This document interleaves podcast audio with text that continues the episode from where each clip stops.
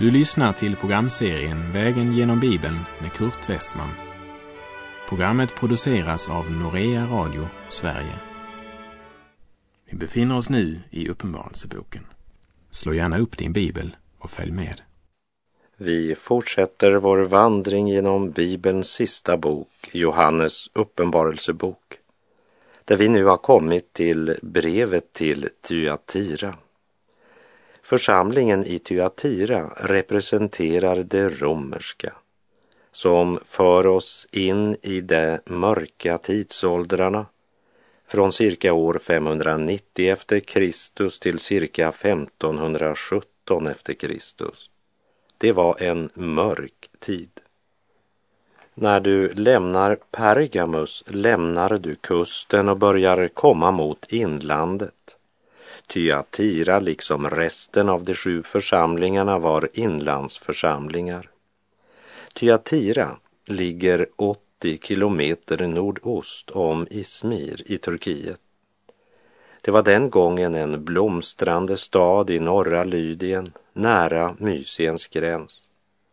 Staden var särskilt känd för sina purpurfärgerier och väverier. Sedan gammalt så betraktades staden som helig på grund av ett tempel som var helgat åt Lydiens gamla solgud Tyrannomos, lika med Apollos. Thyatira var också känd för sina hantverksföreningar som de olika hantverkarna hade bildat som skydd mot förtryck från köpmanståndets sida. Thyatira är fackföreningarnas vagga. Staden var byggd med tanke på försvar som de flesta städer den gången. Men de flesta andra städer var byggda på en höjd med en kraftig försvarsmur runt omkring. Men Thyatira var annorlunda, för den var byggd i en dal och hade sin styrka i den elitgarde som det romerska imperiet hade placerat där. Och det fanns ingen stad i det här området som blivit så totalförstörd och sedan återuppbyggd som den här staden. Därför är det högst deprimerande att besöka dess ruiner idag. Och i Apostlagärningarna 16, verserna 30 13 till och med 15 läser vi.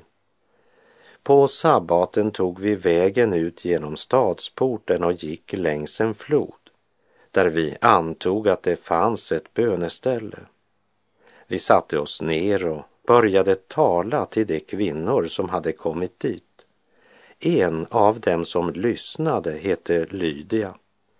Hon handlade med purpurtyger och var från staden Tyatira. Och hon hörde till dem som fruktade Gud. Och Herren öppnade hennes hjärta så att hon tog till sig det som Paulus predikade. När hon och alla i hennes familj hade blivit döpta bad hon. Kom hem till mig och bo där om ni anser att jag tror på Herren. Och hon övertalade oss. Lydia kom alltså från staden Thyatira i landskapet Lydia.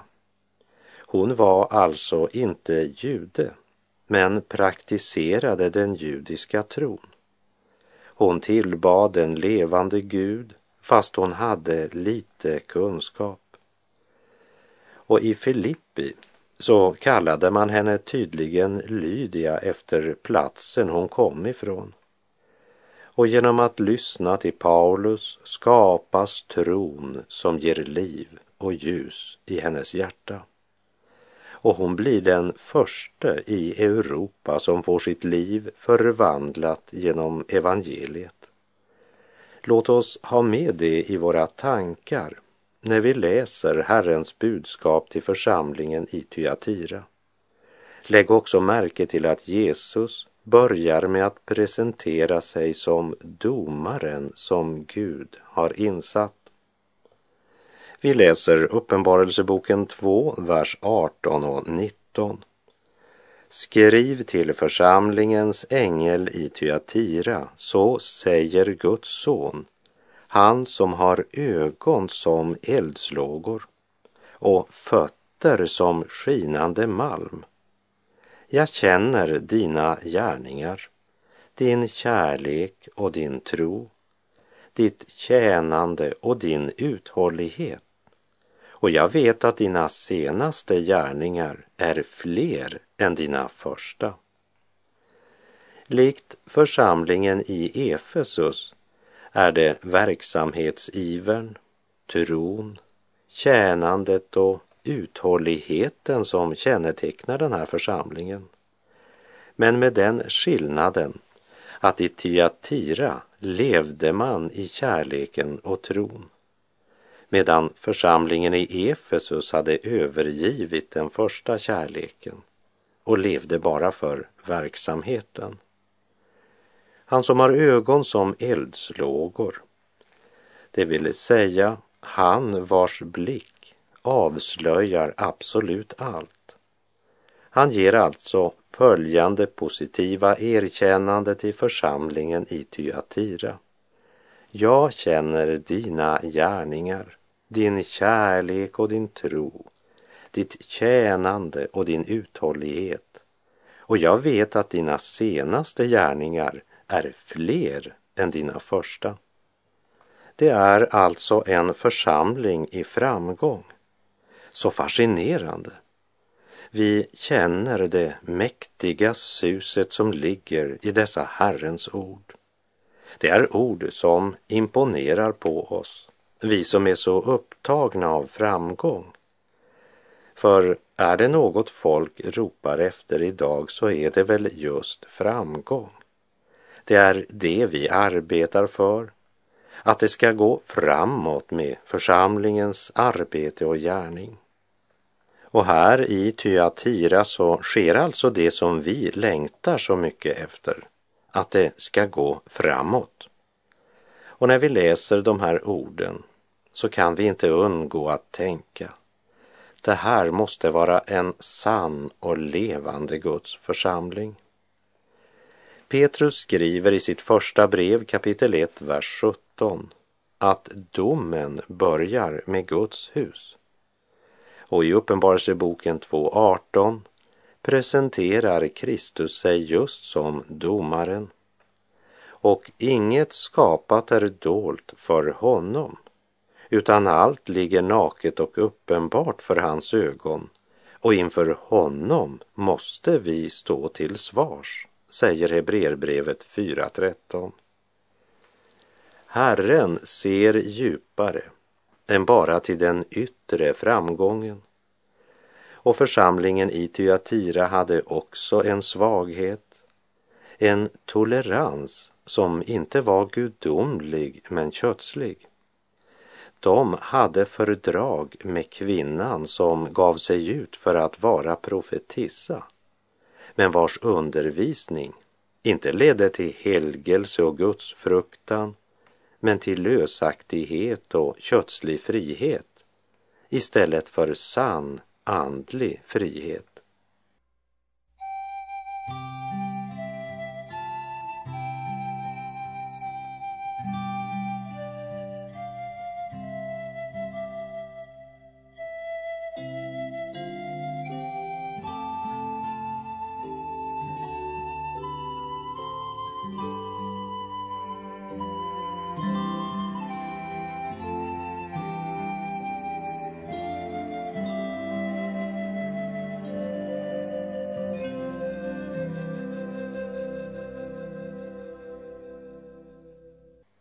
Vi läser Uppenbarelseboken 2, vers 18 till och med 21.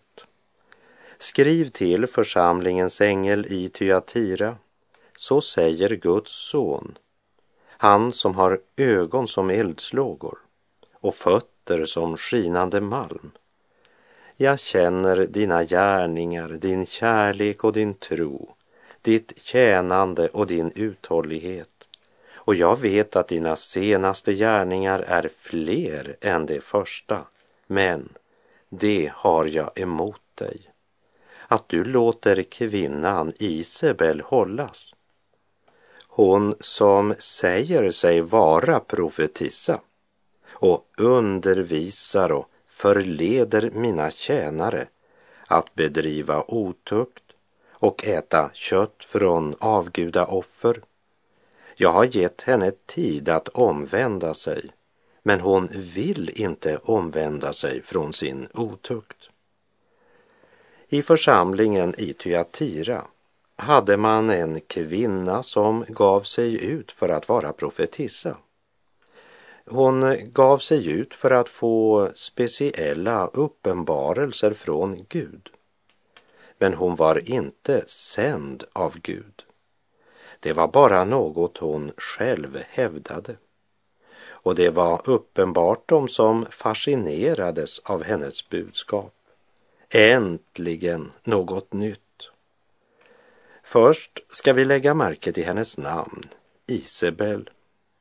Det är samma namn som kung Ahabs hustru och som du kanske minns från vår vandring genom första kungaboken så läste vi följande om Ahab i Första Kungabok 16, verserna 30 till och med 33.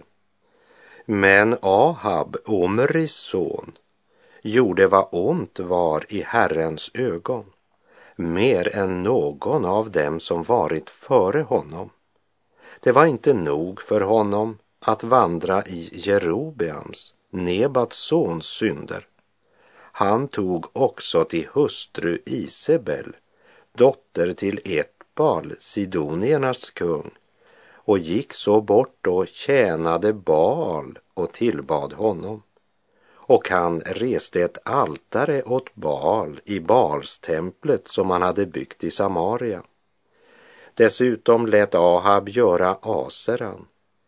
Så gjorde Ahab mer för att förtörna Herren, Israels Gud, än någon av de kungar som hade varit före honom.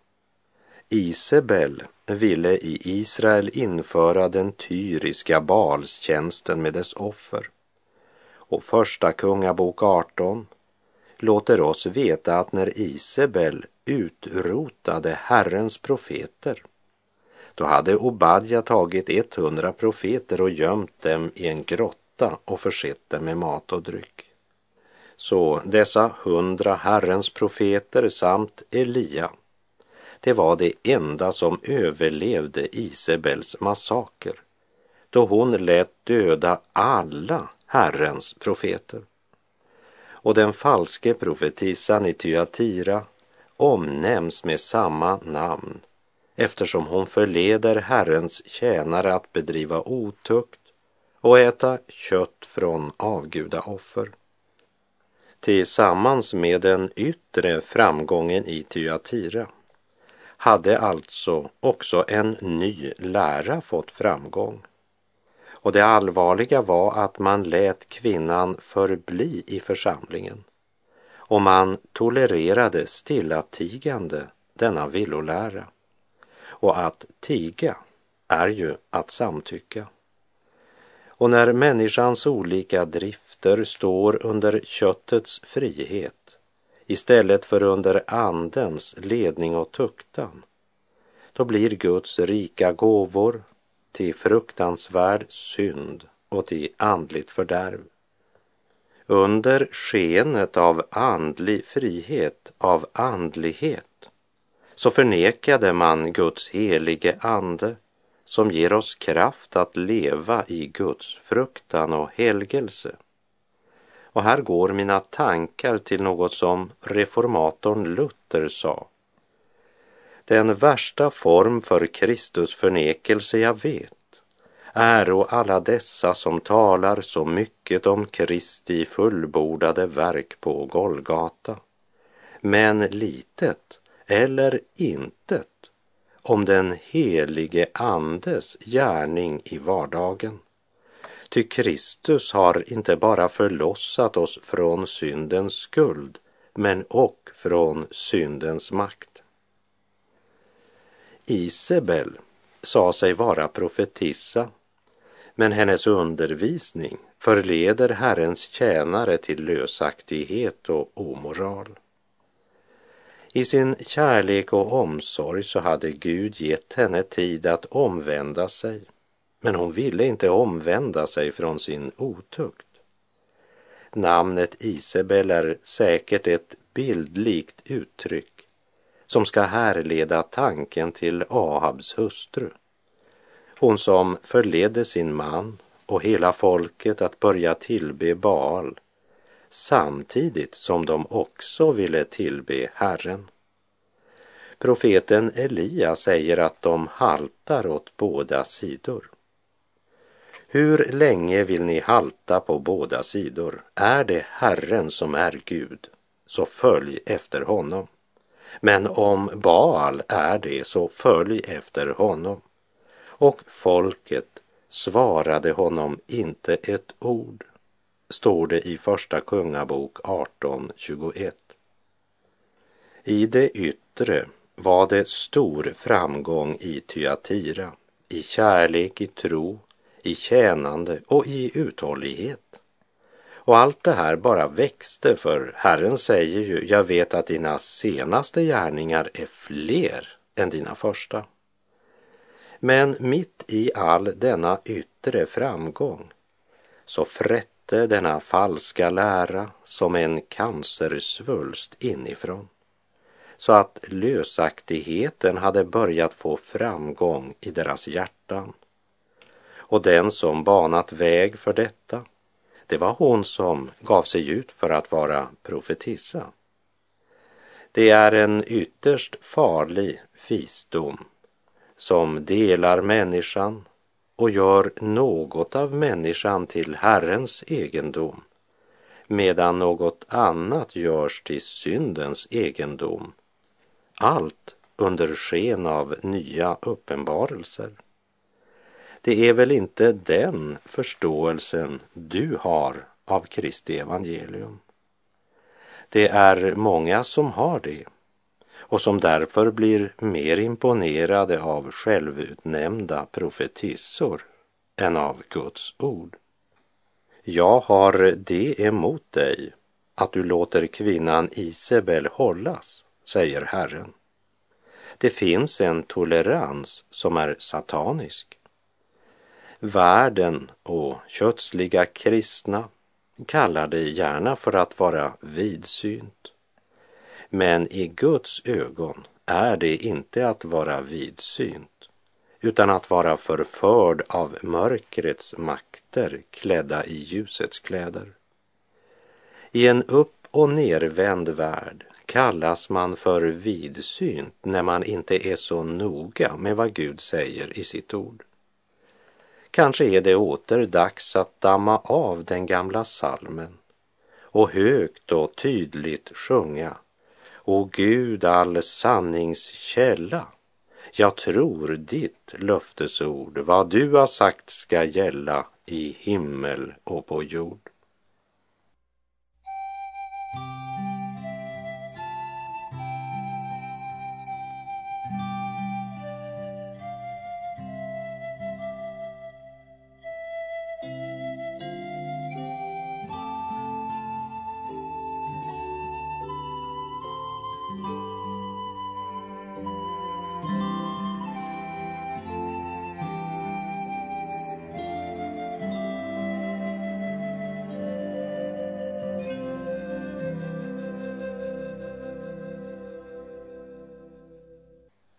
Vad har så Gud att säga om denna profetissa? Vi läser Uppenbarelseboken 2, verserna 22 och 23. Se, jag lägger henne på sjukbädden och det som bedriver otukt med henne ska komma i stor nöd om det inte omvänder sig från hennes gärningar. Jag skall döda hennes barn och alla församlingarna ska inse att jag är den som ransakar hjärtan och njurar och som skall ge var och en av er vad hans gärningar är värda. Se, jag lägger henne på sjukbädden. Se, säger Herren, det vill säga ge akt, lägg märke till. Det är alltså något som de bör vara uppmärksamma på. Och det är att profetissans sjukdom är en Herrens tuktan. Det är ett Herrens ingripande för att väcka församlingen till besinning. Man kan inte bekänna sig till Herren och samtidigt inleda lättsinniga förbindelser till höger och vänster. Man kan inte tala i Herrens namn och samtidigt ha en undervisning som inte stämmer med apostlarnas undervisning och lära. Guds församling får aldrig glömma vad Guds ord lär om vad som är rätt och vad som är orätt i Herrens ögon. Och det gäller inte bara det sexuella, men alla livets områden. Och det är inte bara hon som ger sig ut för att vara profet som kommer att få känna av Herrens tuktan. Den kommer också att drabba alla dem som valt att följa denna falska lära. Hennes barn, ja, det talar om alla dem som blivit ett med denna lära och som vandrar i hennes spår. Hon blev en andlig mor för en del av de troende i Thyatira. Men hon var en falsk vägledare och alla som gjort gemensam sak med henne måste också skörda konsekvensen av det om de inte omvänder sig. Och det handlar inte bara om att ha en rätt lära och bekännelse. Det har att göra med hela deras liv i vardagen. Herren kallar dem inte bara att ta ett uppgör med hennes undervisning. De måste också vända sig om från de gärningar som blivit frukten av denna falska andlighet. Det som bedriver otukt med henne ska komma i stor nöd om det inte omvänder sig från hennes gärningar säger Herren. När det står jag skall döda hennes barn så är det den eviga döden det talas om. Och Herren skall redan här och nu låta deras andliga död bli uppenbar för dem som tillhör Herren. Och då ska alla församlingarna inse att Herren är den som ransakar hjärtan och njurar och som ska ge var och en vad hans gärningar är värda. Inte vad hans bekännelse är värd. För en bekännelse utan gärningar är bara en teori, en död tro. Den levande tron får alltid en konsekvens i vår vardag. Den levande tron präglar både vad vi säger och vad vi gör. Alla församlingarna, det talar inte bara om de sju församlingar till vilka Johannes sänder detta budskap men det talar om alla kristna församlingar i alla tider. Vi läser Uppenbarelseboken 2, vers 24. Men till er andra i Tyatira, ni som inte har denna lära och inte känner Satans djupheter, som man kallar det. Till er säger jag att jag inte lägger på er någon ny börda. Det var inte alla som hade låtit sig förföras av den sensationella kvinnan som åberopade sig ha speciella budskap från Gud. Det fanns de som insåg att hennes budskap ställde människan i centrum även om hon talade mycket både om Gud och om Satan.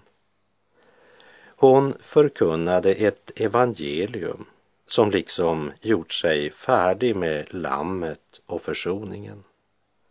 Det var ett evangelium som bara predikade nåd och kärlek utan gärningar. och som inte kastade ljus över den stora försoningen på Golgata kors. Det var ett evangelium som inte uppenbarade vad frälsningen kostade Guds son och som inte skapade Guds fruktan men sensationslystnad. Men nu säger Herren att de som inte tagit emot denna falska undervisning utan höll fast vid apostlarnas undervisning, på dem lägger Herren ingen ny börda. Från historien vet vi att församlingen i Thyatira fick en kort existens eftersom den gick under när staden ockuperades av fienden. Men för alla dem som höll fast vid apostlarnas tro och bekännelse har Herren ett gudomligt löfte. Och det börjar med en uppmaning om att hålla fast på det de har. Verserna 25 till och med 28. Men håll fast vid det ni har till dess jag kommer. Den som segrar och håller fast vid mina gärningar ända till slutet, honom skall jag ge makt över folken och han skall styra dem med järnspira, liksom man krossar lerkärl, så som jag har fått den makten av min fader, och jag ska ge honom morgonstjärnan. Giv mig den frid som du och Jesus giver, den frid som ljuvligt stillar hjärtats strid och gör att öknen själv en lustgård bliver och främlingstiden blott en liten tid. En liten tid att kämpa vid din sida, då i min svaghet all din kraft är min. En liten tid att så din säd och bida, den dag då kärvarna får samlas in. En liten tid av törst och rop och längtan med några droppar blott från livets älv till dess du stillar all mitt hjärtas längtan med evig fullhet invid källan själv. En liten tid att hålla lampan färdig. En liten tid att vänta dig ännu och sedan evigt jubel du är värdig att hava lov och pris och tack blott du. Och med det så är vår tid ute för den här gången. Jag säger på återhörande om du vill och om Herren ger oss båda en ny nådedag. Den som har öron må höra vad Anden säger till församlingarna. Herren vare med dig. Må hans välsignelse vila över dig. Håll fast vid det du har till dess Herren kommer. Gud är god.